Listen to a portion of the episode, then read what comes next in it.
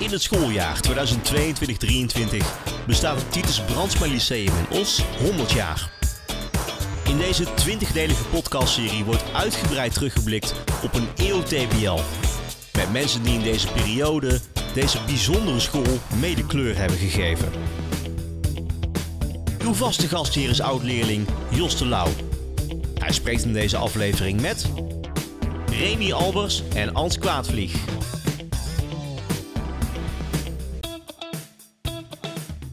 Twee iconen van het Titus. Zo worden Ans Kwaadvlieg en Remy Albers genoemd. Remy, oud-leerling en docent Nederlands, die hier van 1963 tot 2017 bijna een leven met Titus doorbracht. En Ans, docent Frans, die hier 30 jaar, dacht ik, hè, uh, docent was. En alom genoemd als de docent over wie door werkelijk alle leerlingen na jaren nog steeds lyrisch wordt gesproken. We gaan in gesprek over hun TBL-leven.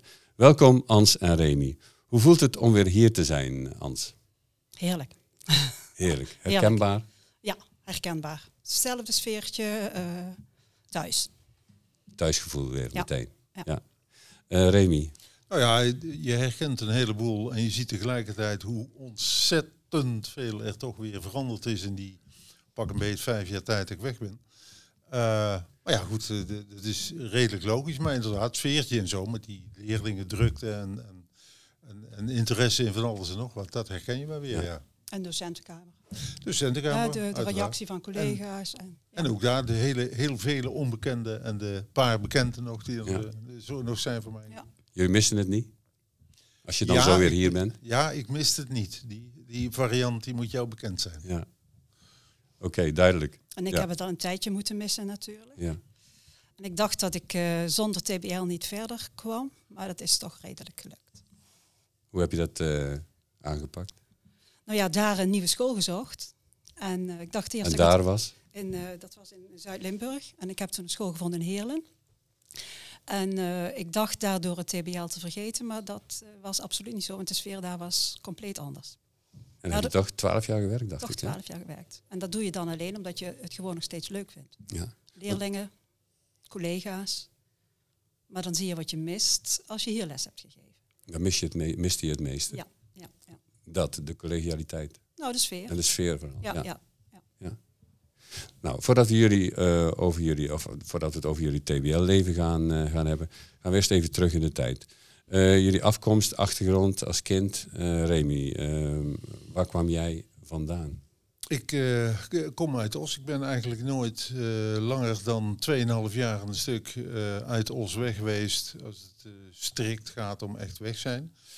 Um, afkomstig uit een gezin met vijf kinderen, de jongste daar. Vader uh, hoofdkassier bij de alombekende NVH Hartogsfabrieken, oftewel Unox. De Hertog? Uh, de Hertog, ja. Het, het fabriek. Uh, hij werkte alleen op, op het kantoor vanwege het feit dat hij het geld beheerde. Um, van, van daaruit in Nijmegen gestudeerd. En, uh, even terug, ja. heel even terug. Uh, waar woonden jullie en welke basisschool Wij zat je? woonden op een bolscheut, zoals dat netjes heet, uh, afstand van de MMS, oftewel het huidige Maasland College.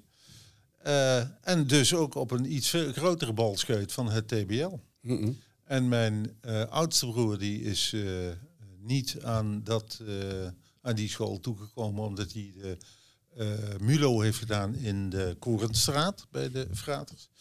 En mijn jongere broer, uh, ouder dan ik, maar jonger dan de oudste, uh, die heeft hier wel gezeten, die heeft hier HBSB gedaan. Mm -hmm. uh, van welke basisschool kwam jij? Ik kwam uiteindelijk, ik, ik heb eigenlijk de heischool gehad, zoals ja. het heet, de Oude Molenstraat hier in Os. daarna heb ik twee jaar bij de Fraters gezeten in de Korenstraat en via de Fraters ben ik hier gekomen. Ja. En kwam je toen meteen op het gymnasium terecht? Of was er nog een tussenstap, uh, soort van brugklas? Brug, brugklas. En ik uh, mo mocht toen kiezen en geadviseerd krijgen of ik twee gym wilde doen. En ik wilde wel twee gym doen. En uh, dat is mij toegestaan, ja. ja. ja. Komen we dadelijk nog terug op jouw middelbare schooltijd hier. Ans, jouw afkomst? geboren en getogen in Limburg. oudste in een gezin van vijf kinderen. We woonden vlak bij Heerlen. Uh, ben de helft van een tweeling. Andere helft helaas maar vier maanden geworden. zusje dat na mij kwam helaas maar tien dagen. Dus mijn ouders hebben het redelijk zwaar gehad.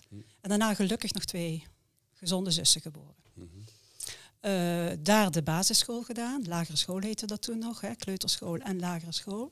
Uh, bij de nonnen. En toen we onze keuze moesten maken voor de middelbare school, toen deden we nog toelatingsexamen. We hadden geen CITO-toetsen en zo. Dus dat betekende dat je naar de middelbare school ging, die jouw keuze was. En daar deed je toelatingsexamen op het niveau dat jij koos.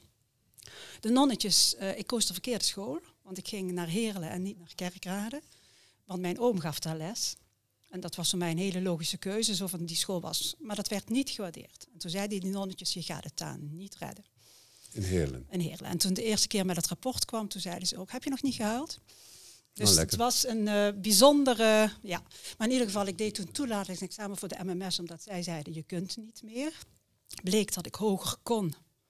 Maar doordat, ja, je bent een dorpsmeisje en je komt voor het eerst in de stad, heb ik toch maar MMS gedaan. Toen al die klassen, of toen al? Toen, nou ja, dat toen was wellicht zeker in die, die tijd. In die tijd. En toen ging ik het eerste jaar cum laude over. En toen zei iedereen, ga nou naar het Atheneum. Maar ik was toch nog steeds dat dorpsmeisje, zo bij een jaar jonger, september geboren. Ik zei, ik blijf lekker bij mijn klas, ik had het naar mijn zin. En zo heb ik mijn MMS uh, gehaald. Iedere keer cum laude over, iedere keer en cum laude geslaagd. Ik vond het gewoon leuk. Frans was mijn lievelingsvak toen al. Uh, maar toen ik Frans wilde gaan studeren, zei mijn toenmalige docent Frans van niet doen. Ik sta hier op de nominatie om ontslagen te worden. Want toen was net de mammoetwet ingevoerd en de keuze, keuzemogelijkheid. Um, uh, toen heb ik een ander vak gekozen in Utrecht, geografie. Maar ik vond het leuk, ik heb ook alles gehaald het eerste jaar, maar ik, vond het, ik zag me daar geen les in geven. En dat was toch prioriteit. Toen kwam in Utrecht de lerarenopleiding opeens Frans ook erbij. Toen heb ik Frans gekozen uit pure overtuiging. En Duits, omdat ik als Limburger daar waarschijnlijk geen moeite mee zou hebben. Mhm. Uiteindelijk heb ik veel langer over Duits gedaan dan over Frans. Maar uh, ik heb het gered. Ja. Ben ik nog begonnen met een uh, uh, mijn kandidaat te halen, want ik wilde toch door voor mijn eerste graad. Maar ik kreeg toen hier in Os meteen veel meer uren. En toen heb ik het even niet meer gedaan. En toen heb ik eigenlijk ook geen spijt gehad, want die onderbouw was toch wel mijn pakje. Jouw ding om daar mentor van ja. te zijn. Ja. In combinatie met Frans geven. Ja. ja. Jouw middelbare schooltijd eh, begon in 1963 hier. En eh, dat was een vrij gevarieerde periode die toen aanbrak. Want als ik lees wat jij allemaal gedaan hebt, Remy. Uh, een koor, toneel, revues, literaire club, schoolkant, vertaalwedstrijd, kookopkamp. Ik herinner me van vrienden van mij. Ehm, nee, dat is iets later geweest. Dat je, je stagiaire was, denk ik. Uh, dat je met die schoolkampen al in de organisatie zat. Ja, nou bij die schoolkampen, kijk de grote man, uh, pater Jozef Galema, die het georganiseerd opgezet heeft, die moest stafleden hebben. Uh, het is een kamp voor eerste en tweede klasse geweest altijd. en die ronselde die uit de hoogste klasse en dan liefst bij leerlingen die die kenden. Nou, mij kende die uit de klas in de, in de vier gym als eerste, de eerste keer. En toen heeft hij mij dus gevraagd God, zou jij mee willen als staflid? ja, ik wist ook niet wat ik aanging, maar het leek me wel leuk allemaal. Alles, alles leek mij leuk, dus ik deed het nogal licht. En toen ben ik voor de eerste keer en de tweede keer ook nog meegewezen naar Wittem. Helemaal in het uiterste zuidelijke puntje van, uh, van Limburg. In een, uh, in een prachtige houten, houten uh, gebouw van de Fraters toen nog. Eh, je had daar niet eens stromend water, dus kun je nagaan, dat moest uit het put gehaald worden en zo. Dus uh, zo romantisch was het allemaal nog wel.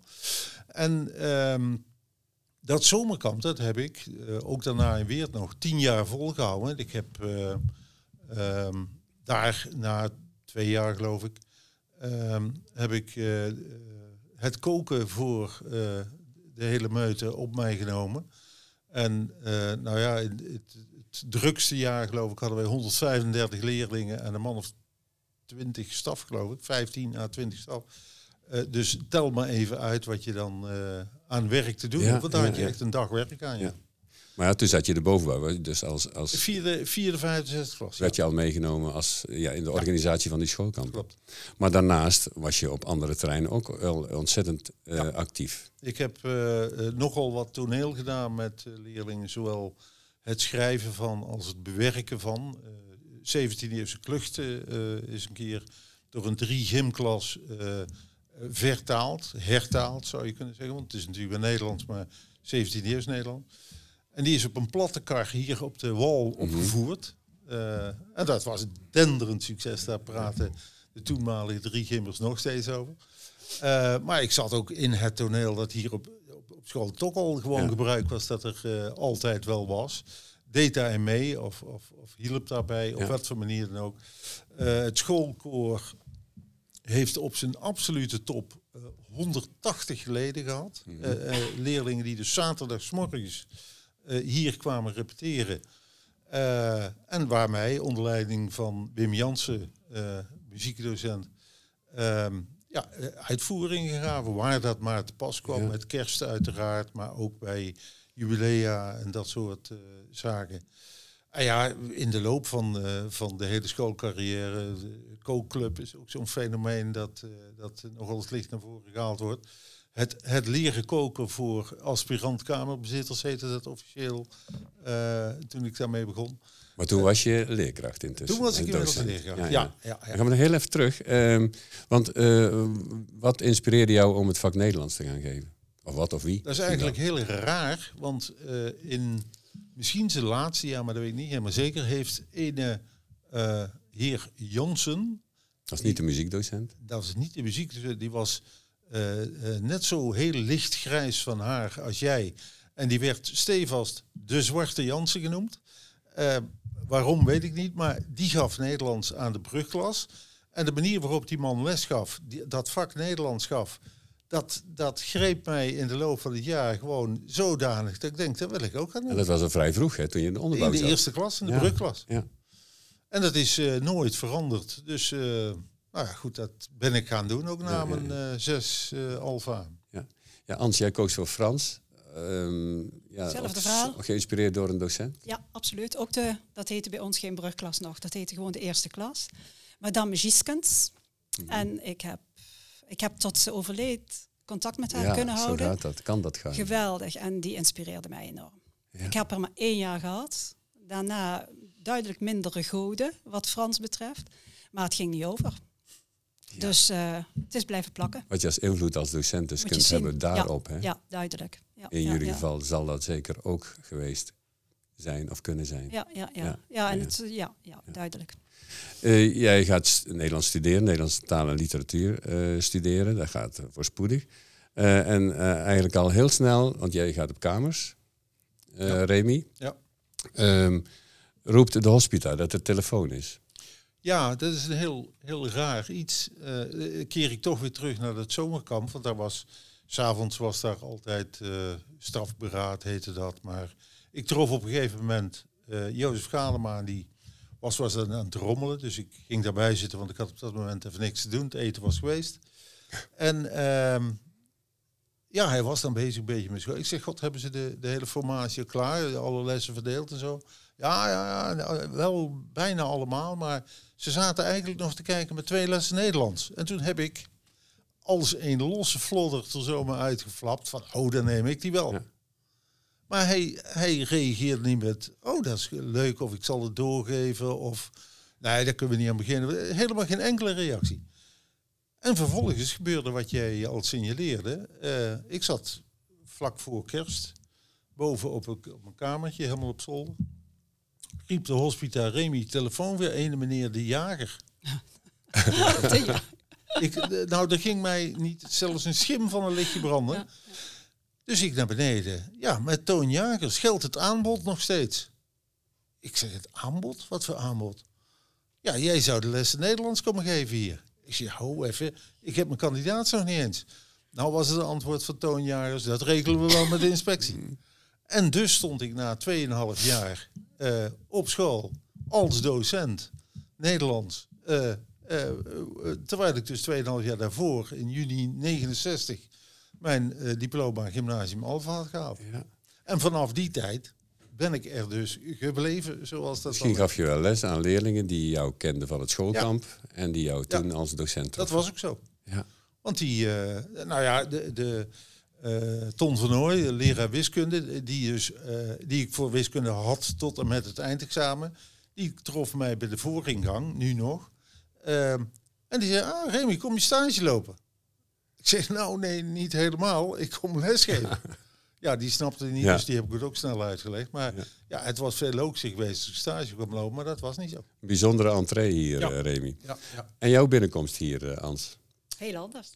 Niemand, ik, ik, ik had nog nooit van Os gehoord. Hoe kan het? Hoe bestaat het? Behalve vroeger. Misschien wat eh, Unox. enge verhalen. Weet je wel, Unox? Nee, die enge verhalen kende Oké. ik niet. Maar de Unox en zo. En eh, toen ik in Utrecht studeerde, wilde ik solliciteren in de buurt van Nijmegen. En daar woonde mijn toenmalige vriend, nu man.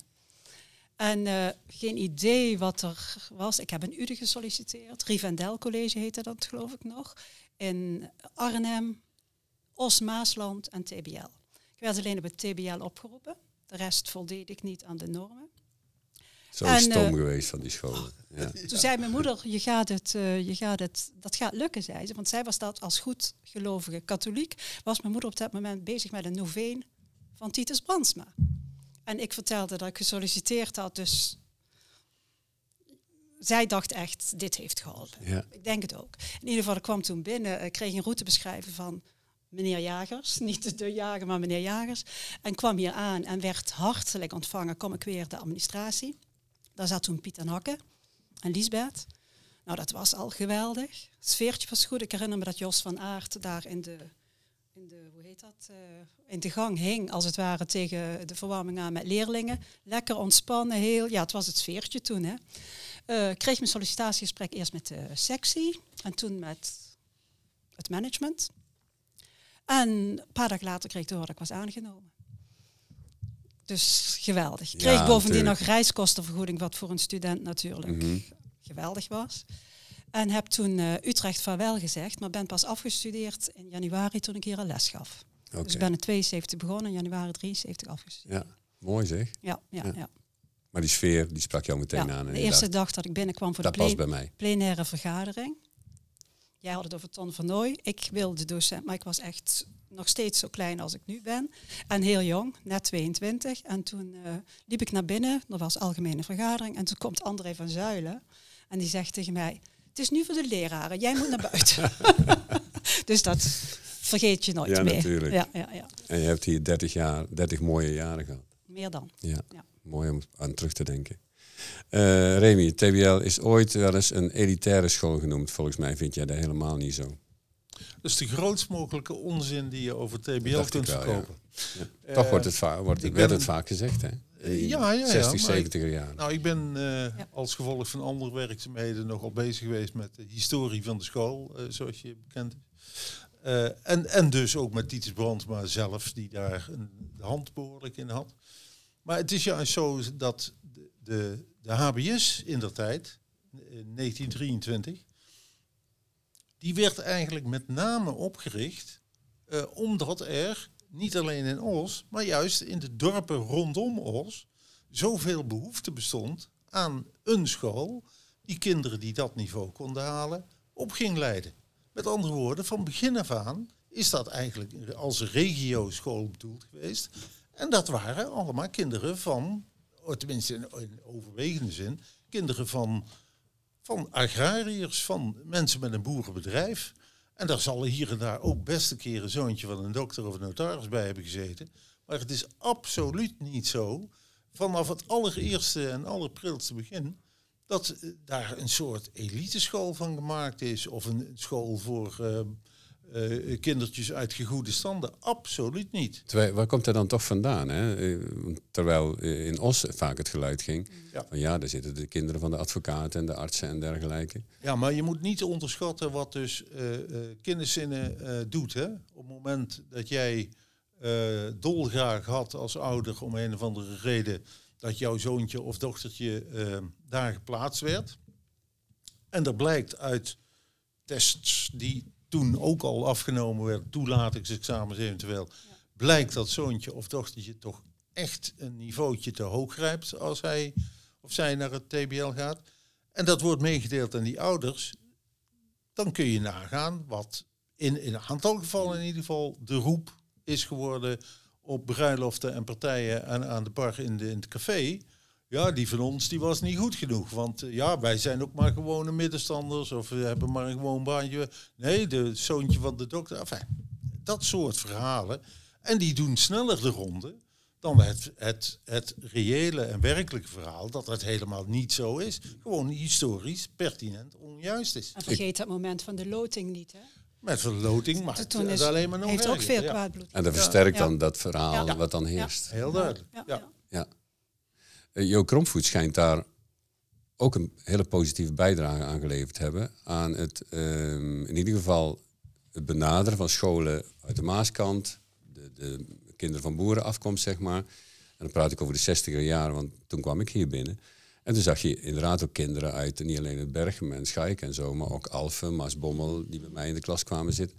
Eh, was dat daarvoor toch ook wel? Of kwam Dat was daarvoor wel, maar- Mede dankzij Jo Kromvoet. Ja, ik wou net zeggen, je laat wel een naam vallen natuurlijk.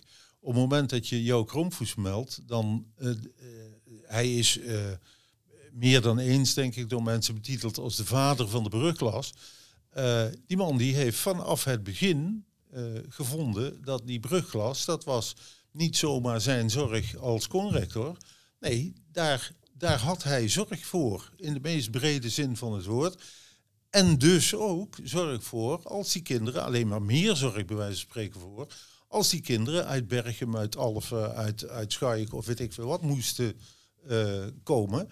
Maar hij wilde daar best dan de moeite voor doen, dat hij ze ook apart benaderde, dat hij daar contacten mee legde, op huisbezoek eh, eh, ging. Ook van zijn, zijn leraren, zijn klassenleraren, die dus die klassen toegewezen kregen, regelmatig ook vroeg om nadrukkelijk contact te leggen met het thuisfront.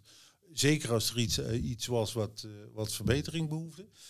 En door zo nadrukkelijk die mensen bij te staan, in letterlijke en figuurlijke zin, heeft hij gewoon de goede naam van Tiets Brandwell Lyceum in zijn algemeenheid, maar zeker van de brugklas van het TBL, heeft hij een enorme eh, stoot gegeven. En dat is, dat is Ja. blijven hangen.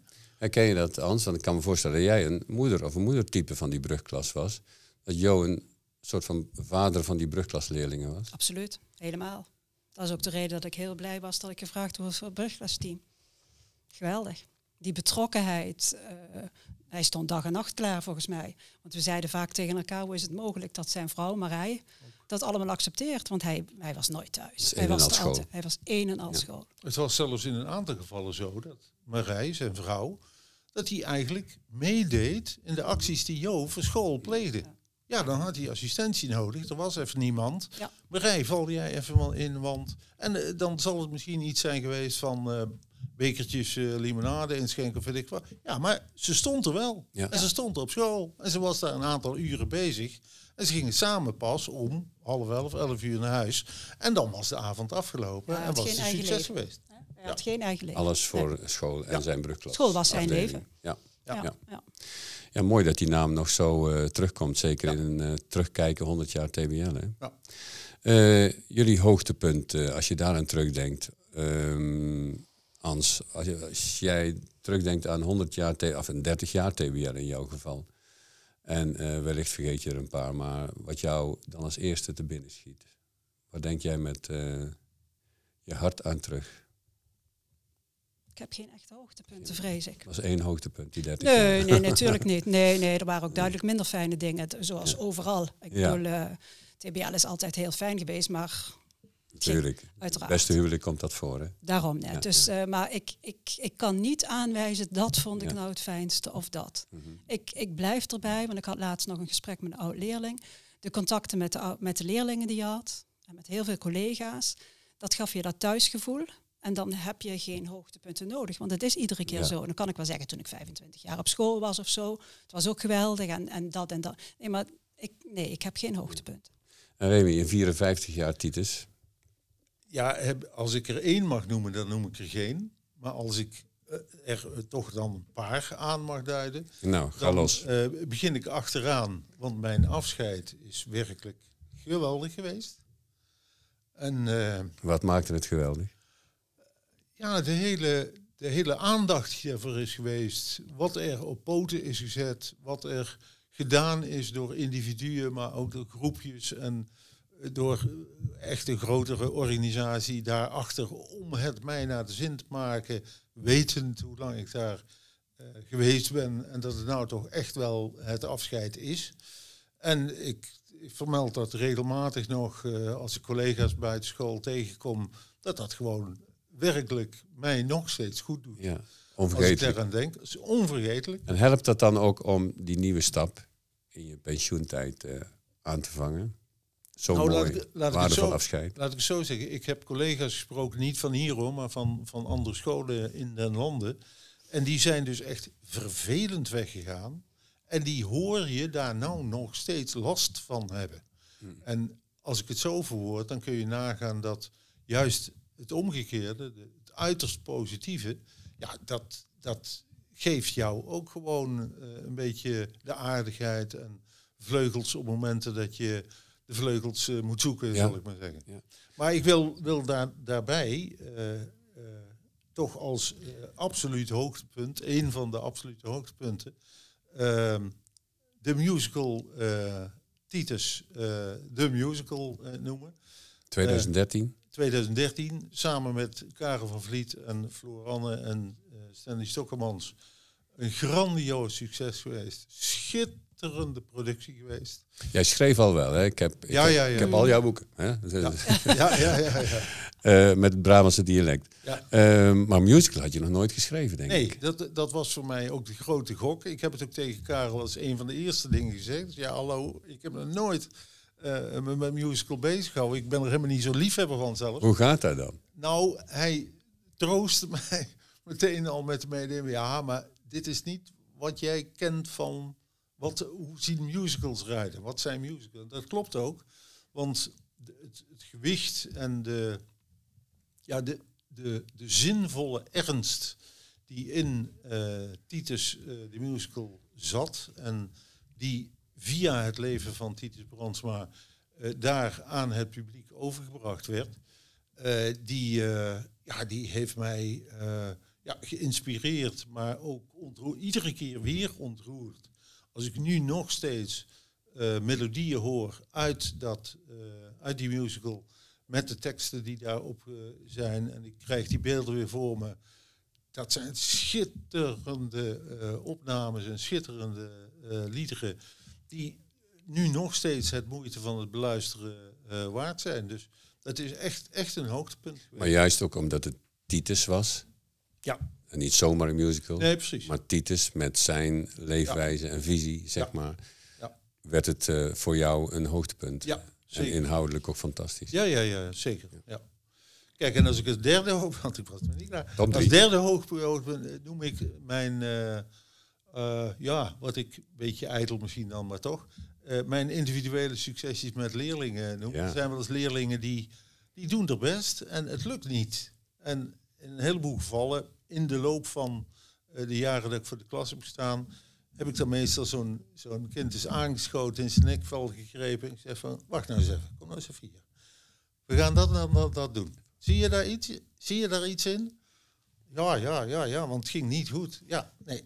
Gaan we dat doen? Gaan we zus dus zo. Enfin, nadat wij het programma afgewerkt hadden, was dus het resultaat ook stukken beter. En als je dan die gezichten van die kinderen ziet, dat is... Ja, dat kan ik me voorstellen. Daar doe je het voor, hè? Ja, Komen we straks nog zeker op terug. oké. Ehm, denk je ook nog wel eens terug aan een moeilijke tijd, Ans? Eh, toen ik eh, teamleider mocht worden. En dat ben je geworden. Eventjes, eventjes. Maar dat vond ik niet de fijnste tijd van mijn leven. Dat paste niet echt bij. Ehm, Die ze hier vond vond zijn. men vooral. Oké. En dan heb ik daar ook last van natuurlijk. Maar ik had ook gehoopt min of meer teamleider te zijn zoals Joop Romvoets brugklascoördinator was. En die kans werd mij natuurlijk ontnomen. Ook vreselijk onnozel voor mij, want toen kreeg je het systeem geen conrector meer, maar teamleiders. Stond toch het belang van het team en eh, het programma in. eh, eh, dat was het belangrijkste, niet de kinderen. Dus ik vond er ook niet wat ik zocht. Mhm. Het was Ja. ook een andere rol dan Jo in zijn brugklasteam kon En het was een andere rol die ik gehoopt had te mogen uitvoeren. Ja. Dus dat is de minst fijne periode geweest. En luchtte het op toen je die knoop had doorgehakt van nou, dit is niks voor mij. Toen ben ik weer weggegaan. Oké. Maar dat had niet te maken hiermee. Dat had weer te maken met het feit dat Manlief een baan in Brussel had. En we weekendhuwelijk hadden en dat we ouder werden. En dat we tegen elkaar zeiden, dit is niet de bedoeling van eh, Mhm. samen zijn. Dus toen hebben we een plek halverwege gekozen. Mat kon op en neer naar Brussel rijden en ik eh, zat in Limburg. Ja. kan me voorstellen. Ja. Maar goed dat je dan toch niet tegen wil en dank in die rol blijft hangen. Hè? Want Nee, dat was niet je goed niet geweest. Dat had ik niet overleefd, denk ik. Nee. moeilijke periode, ehm Remy hier. Ik zou bijna een stilte laten vallen. Niet omdat hij er niet is, in tegendeel. Maar ik wil er zo weinig mogelijk woorden aan besteden. Ehm, voor Tom hebben wij een periode gehad die mij heel zwaar is gevallen. En ik wil alleen verwijzen, ik heb een keer een boekje gemaakt met, eh, naar aanleiding ook van mijn naderend afscheid, met eh, eh, eh, van het Titus Brandma Lyceum en van mijn Titus-tijd. En die periode heb ik aangegeven met één volledige bladzijde zwart. En dat zegt eigenlijk meer dan heel veel woorden. Daar wil ik verder niks meer aan toevoegen. Duidelijk. Prima. Ehm, in begin jaren negentig, veronderstel ik, kwam er sprake van een fusie. Hoe werd die, de- toen werken jullie allebei hier, Ehm, hoe werd die hier in jouw ogen ontvangen, Hans? Niet goed. Tenminste, dat gevoel wel. Ik spreek er vooral uit vanuit mijn sectie. Die vonden dat vreselijk. Ehm, eh, maar ik merkte het ook in de docentenkamer. Ik denk dat dat wel klopt. Hè? Dat was eh, ja, ons TBL. En daar kwamen ze aan. Ja, en bovendien andere leerlingen die wij niet kenden. Hè, het is toch een ander type leerling. Niks. eh, Want de Edith Stein zou MAVO hier toen. aan, eh, zou aansluiten. Ja. Ja. Ja, Dus die sfeer was toen niet fijn. Ik denk dat dat voor Toon Jagers ook een hele moeilijke periode is geweest. Maar als ik daar aan toe mag voegen, Ja. Je had dan toch wel een beetje een tweedeling binnen het docentenkoor Ja, ook. Ja. Eh, er was een groep eh, die mordicus was tegen het invoegen van Edith Stein. Wat er ook voor argumenten eh, aangehaald werden als terugloop van leerlingenaantal, de Ja. werkgelegenheid voor de docenten, et cetera, et cetera. Daar werd eigenlijk dan aan voorbij gegaan. Maar er was ook een groep die zei van ja, oké, we kiezen er niet voor, maar we kunnen die mensen toch moeilijk daar laten zitten. Dus laten we nou gewoon eens kijken in hoeverre ze, als ze hier dan toch zijn, eh, met name de klassen kunnen nemen waar zij goed in zijn. En om op die manier dan te helpen om ze in ieder geval en aan het werk te houden en zinnig werk te laten doen. En accepteer die mensen dan zoals ze hier binnenkomen en maak het ze niet moeilijk. En daar heb je hele vervelende dingen in gehad van mensen die dus bij wijze van spreken eh, de rug toedraaiden als er iemand van de MAVO aankwam lopen. Absoluut. En eh, eh, ook mensen die wat En heel lang, hè? Heel lang. Ja, ja. Heel lang. En heel lang is. Nou ja, Heel de- wat jaartjes. Ja. een aantal jaren. Ja, ja. Maar ook mensen die heel pragmatisch Ja. waren en zeiden van ja jongens, eh, ze zijn er. Wat, wat is er mis met die mensen? Zeker als je praat over de mensen zelf. Eh, en dan kun je het nog hebben over wat, wat hun onderwijs is en of dat ja of nee eh, zo goed is of anders moet. Of eh, hoe je ermee in contact eh, komt daarover. En ik, ik heb altijd zelf gevonden van nou, laten we nou eerst maar eens kijken wat er voor goeds met, met twee partijen te behalen valt. Daar bereik je meer mee dan alleen maar proberen de tweespalt verder te verdiepen. Want daar eh, doe je niks goed mee, daar ben ik wel van overtuigd. Maar met elkaar de rug toekeren, dan ja, kenschetst dat wel een nare sfeer die Dat eh, was echt Bij nou. een een aantal, tijdje heeft geduurd. ja, Ja. bij een aantal mensen was dat de houding. En ik heb die altijd afgekeurd. Ik Ja. heb het altijd onzin gevonden. Ja. En ik mocht natuurlijk als tweede graden meteen daar les gaan geven. Dat was fijn voor de sectie, Mhm. want die hadden er grote problemen mee toen. En eh, ik ben daar ontzettend warm ontvangen. Dus was- achteraf met Nee, maar ik had, ik had die reserves ook niet. Mhm. Ik had wel van wij zijn Titus, Ja. maar waarom een ander school er niet bij? Maar ik zag meer op tegen het feit van ik ken dit soort leerlingen niet. Kun je daar mee werken? Kun je die kinderen iets bieden? En ik heb daar alle hulp gekregen die maar mogelijk was. van de secties, eh, van de, Nee, van, van de school. van de school. Ja. Van de school. Ja, alle docenten. Het was een hele was zo'n kleine docentenkamer. Iedereen zat daar rondom de tafel. En eh, meteen na de eerste les, hoe ging het? Hoe heb je dat gedaan? Enzovoort, enzovoort. Ja. En type leerling. Heel anders.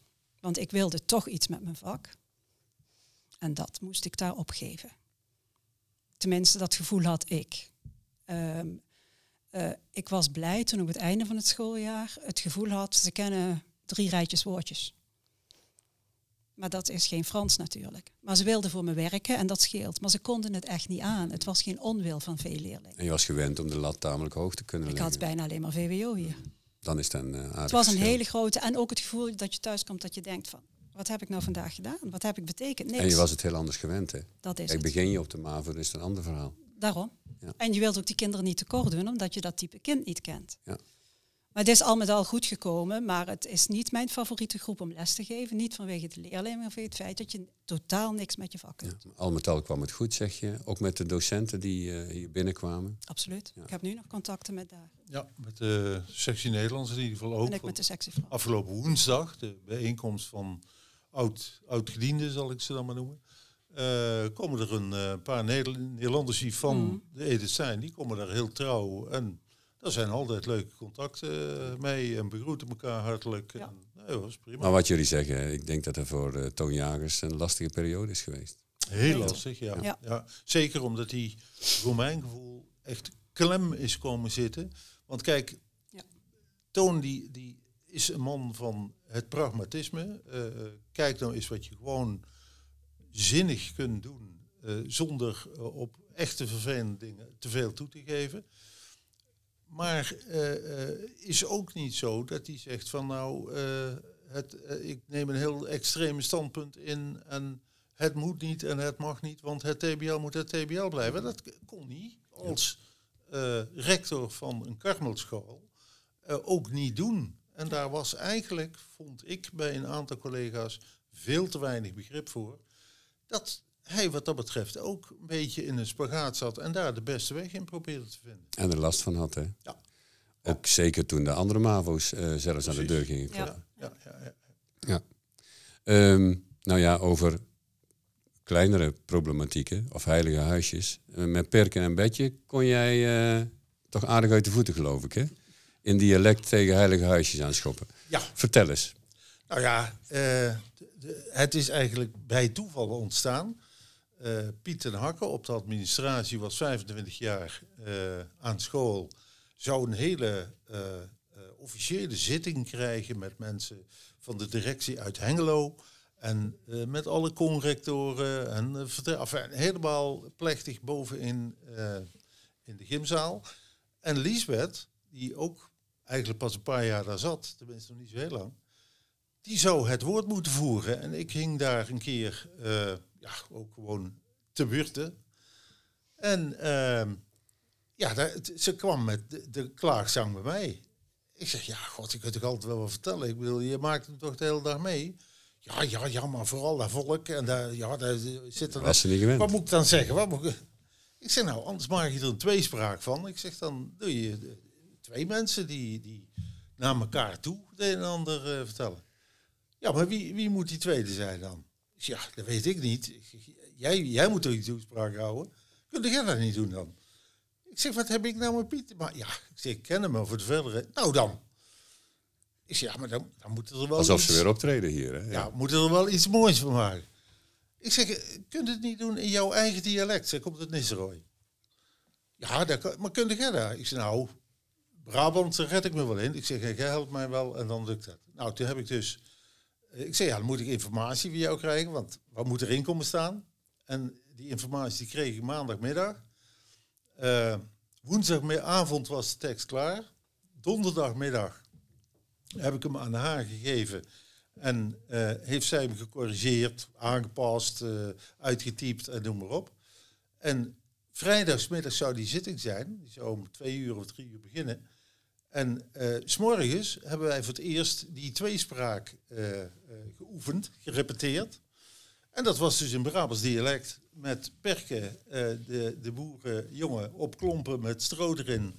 En Liesbeth als bedje, het boerenvrouwke. Dat dus een, die dus allebei een hele onbevangen kijk hadden op al het rijden en zeilen van school. En eh, af en toe eh, behoorlijk sappig en behoorlijk eh, gewaagd ook. En het leuke van het geval was, Jo Kromvoets was ceremoniemeester. En die had dus doorgekregen, Liesbeth Flint zal een woordje doen voor Piet. Maar hij zag hele Liesbeth Flint niet meer. En die werd hoe langer hoe Ja. zenuwachtiger. En toen kwamen wij aanklossen op klompen, kun je dat voorstellen, op een houten gymzaalvloer. En die mensen die zaten te kijken, wat gaan we nou krijgen? Totdat wij uiteindelijk onze act dan gedaan hadden. En toen was het inderdaad één grote laaiend succes, bleek ook achteraf. En dat hebben we daarna, hebben we dat dus een heleboel keren, 25 keer, 30 keer, eh, bij allerlei gelegenheden nog eens een keer dunnetjes over gedaan. En jullie konden ergens tegenaan schoppen, dat werd gedood, Nou, zeg maar. En dat, hebben, dat werd... eh, Of zijn jullie ooit eens op het matje geroepen nog? Van nou, Perke, ik- nou gaat het te ver. Ik vind het vervelende dat ze dan Liesbeth op het matje roepen. En ik heb tegen Liesbeth toen gezegd, toen ze daarmee aankwam, ik zeg, stuur ze maar naar mij toe. Ik zeg, want ik heb de tekst gemaakt. En dat is één keer gebeurd. En toen hadden we er inderdaad eventjes, ja, redelijk scherpe eh, veroordelingen van zaken die een heleboel mensen niet bevielen. En daar kreeg dan Liesbeth iets van te horen. Ik zei, nou, eh, stuur ze maar mijn kant op. En daar kwamen Perken en Betje daarna niet meer op terug, als Perken en Betje. Nee, dat niet. Wij halen geen oude koeien halen wij niet sloot natuurlijk. Ja, Op een gegeven moment is het over. ja daarom. Ja. En dan zijn er weer genoeg nieuwe. Ja, ja, ja, dus, eh, precies. precies. Hoe vond jij dat, Perken en Betje? Geweldig. Ja. Maar zoals ik al zei, zo even van, ik, ik heb heel erg, Brabants dialect was voor mij heel moeilijk. Ik was na een optreden van hun echt gewoon doodop. Want je, wil- ja, je wilt niks missen. Je wilt het proberen te begrijpen. In het begin lachte ik maar mee, want ik denk, ik heb geen idee waar ze het over hebben. Maar na de hand eh, is het eh, Je had de ro- genieten. Je had de rommel horen klotsen, maar je wist niet wat de streep was in. Zoiets. ja, maar Mooi- geweldig. mooie conclusie. Het was ook altijd even een... eh, ja, het was even leuk dan. Alle serieuze dingen waren weg. En ik denk zeker dat Piet dat gewaardeerd heeft. Want die was niet zo van de... Nou op. Ja. ja. Ja, mooi. Eh, we hadden het net over eh, de periode van rectoren. Eh, de komst van Tom Brox, hoe werd daar tegenaan gekeken? Hans, heb, je, heb jij net meegemaakt of Ik niet? zat toen net in het... eh, Ja. Ik was toen net teamleider. Ja, En ik hoe weet was dat dat... voor jou? Want er kwam er toch ook iemand van buiten. Ja, ik had niet zo buiten? dat van buiten gevoel. Mhm. Maar ik weet wel dat er toen gezegd werd, hij heeft zelf geen gymnasium. En wat moet hij als rector van ons worden? Tenminste, dat was de sfeer zo. Dat was ook bij, het, eh, bij de teamleiders zo. zo van, en iemand van buiten. En ja, niemand wist wat hij ervan moest verwachten. En eh, ja, ik kende hem totaal niet. Maar hij, hij heeft volgens mij een eerlijke kans gekregen. Ik weet niet hoe dat voor Ja. jou was, Genomen. maar ook gekregen. Ik heb hem, eh, ja, ja. Eh, maar dat genomen wilde ik eventjes toelichten. Ehm, ik heb hem op een gegeven moment eh, alleen maar zien, zien lopen in het begin uiteraard. En, en zich overal Nee, zien vertonen. En laten zich, En laten zien en mee bemoeien ook. eh, voor zover dat be- als bemoeien uitgelegd kan worden.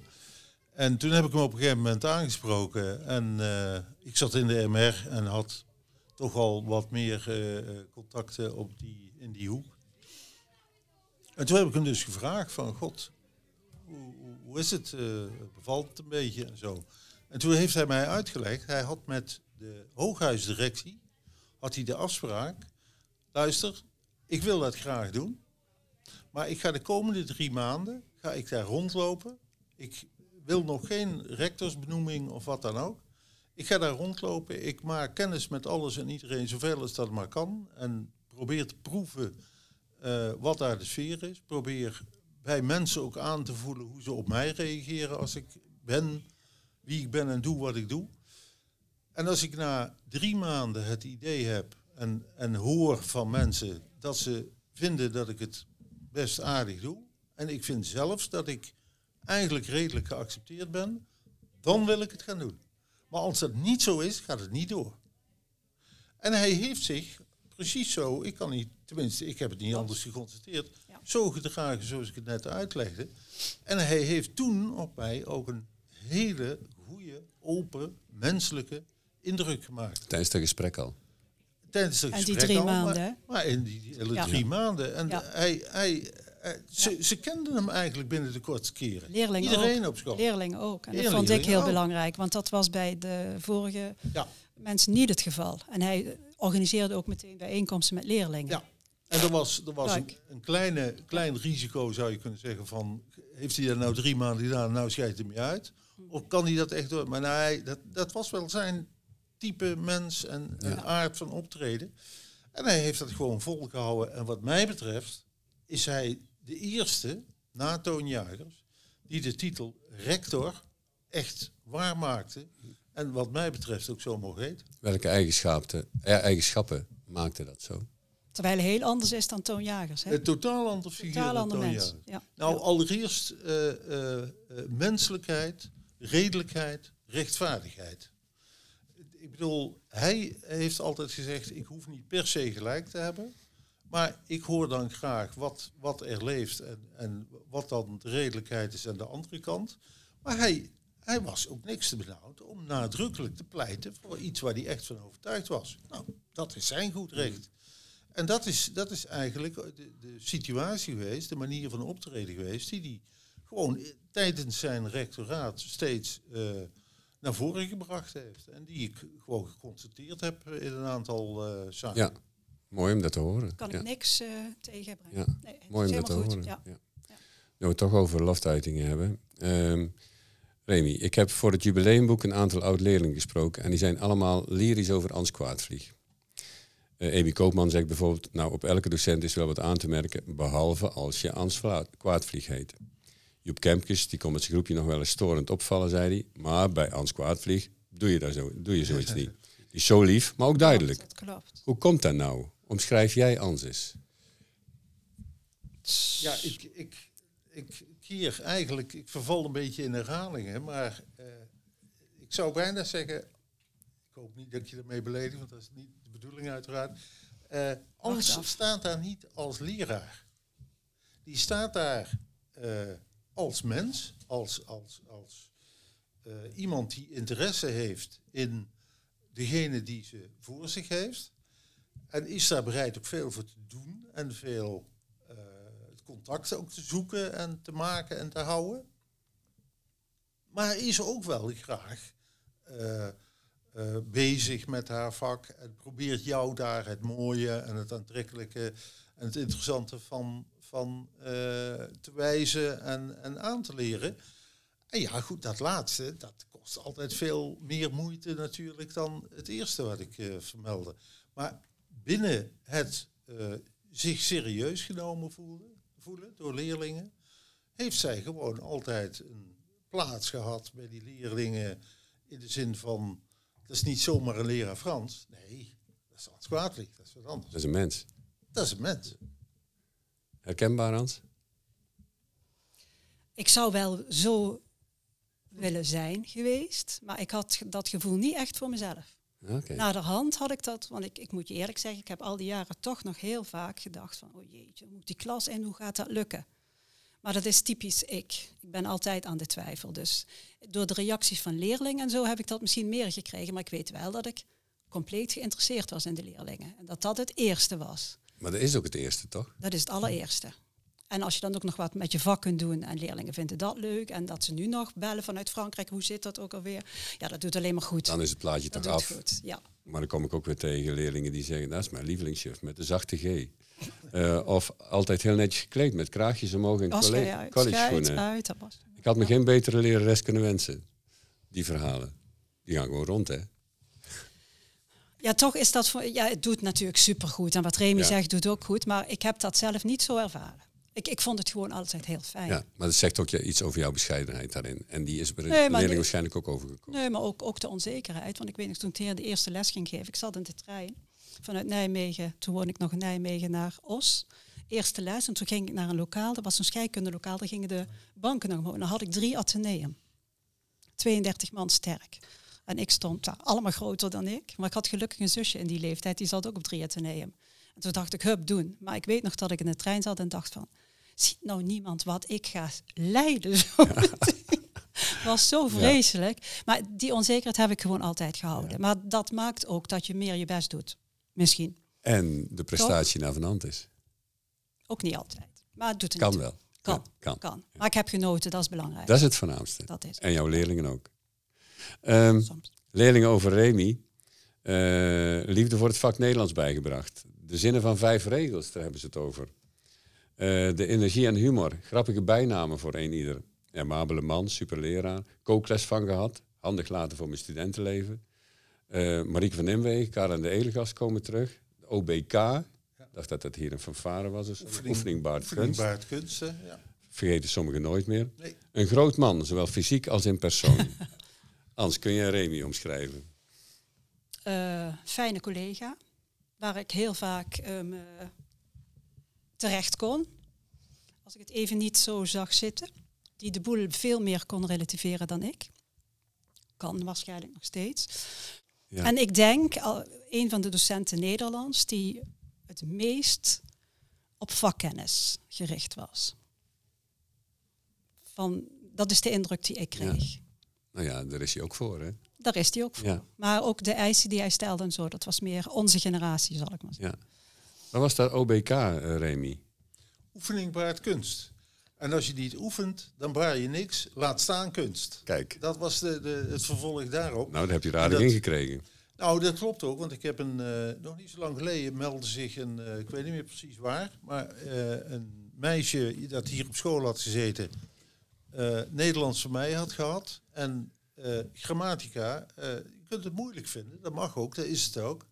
Maar als je daar je best voor doet om te begrijpen, dan krijg, dan krijg jij het, even vanuit gaan dat je gewoon een normale leerling bent, krijg jij het begrepen, krijg jij het geoefend. Die, studeerde, die leerling die studeerde Engels.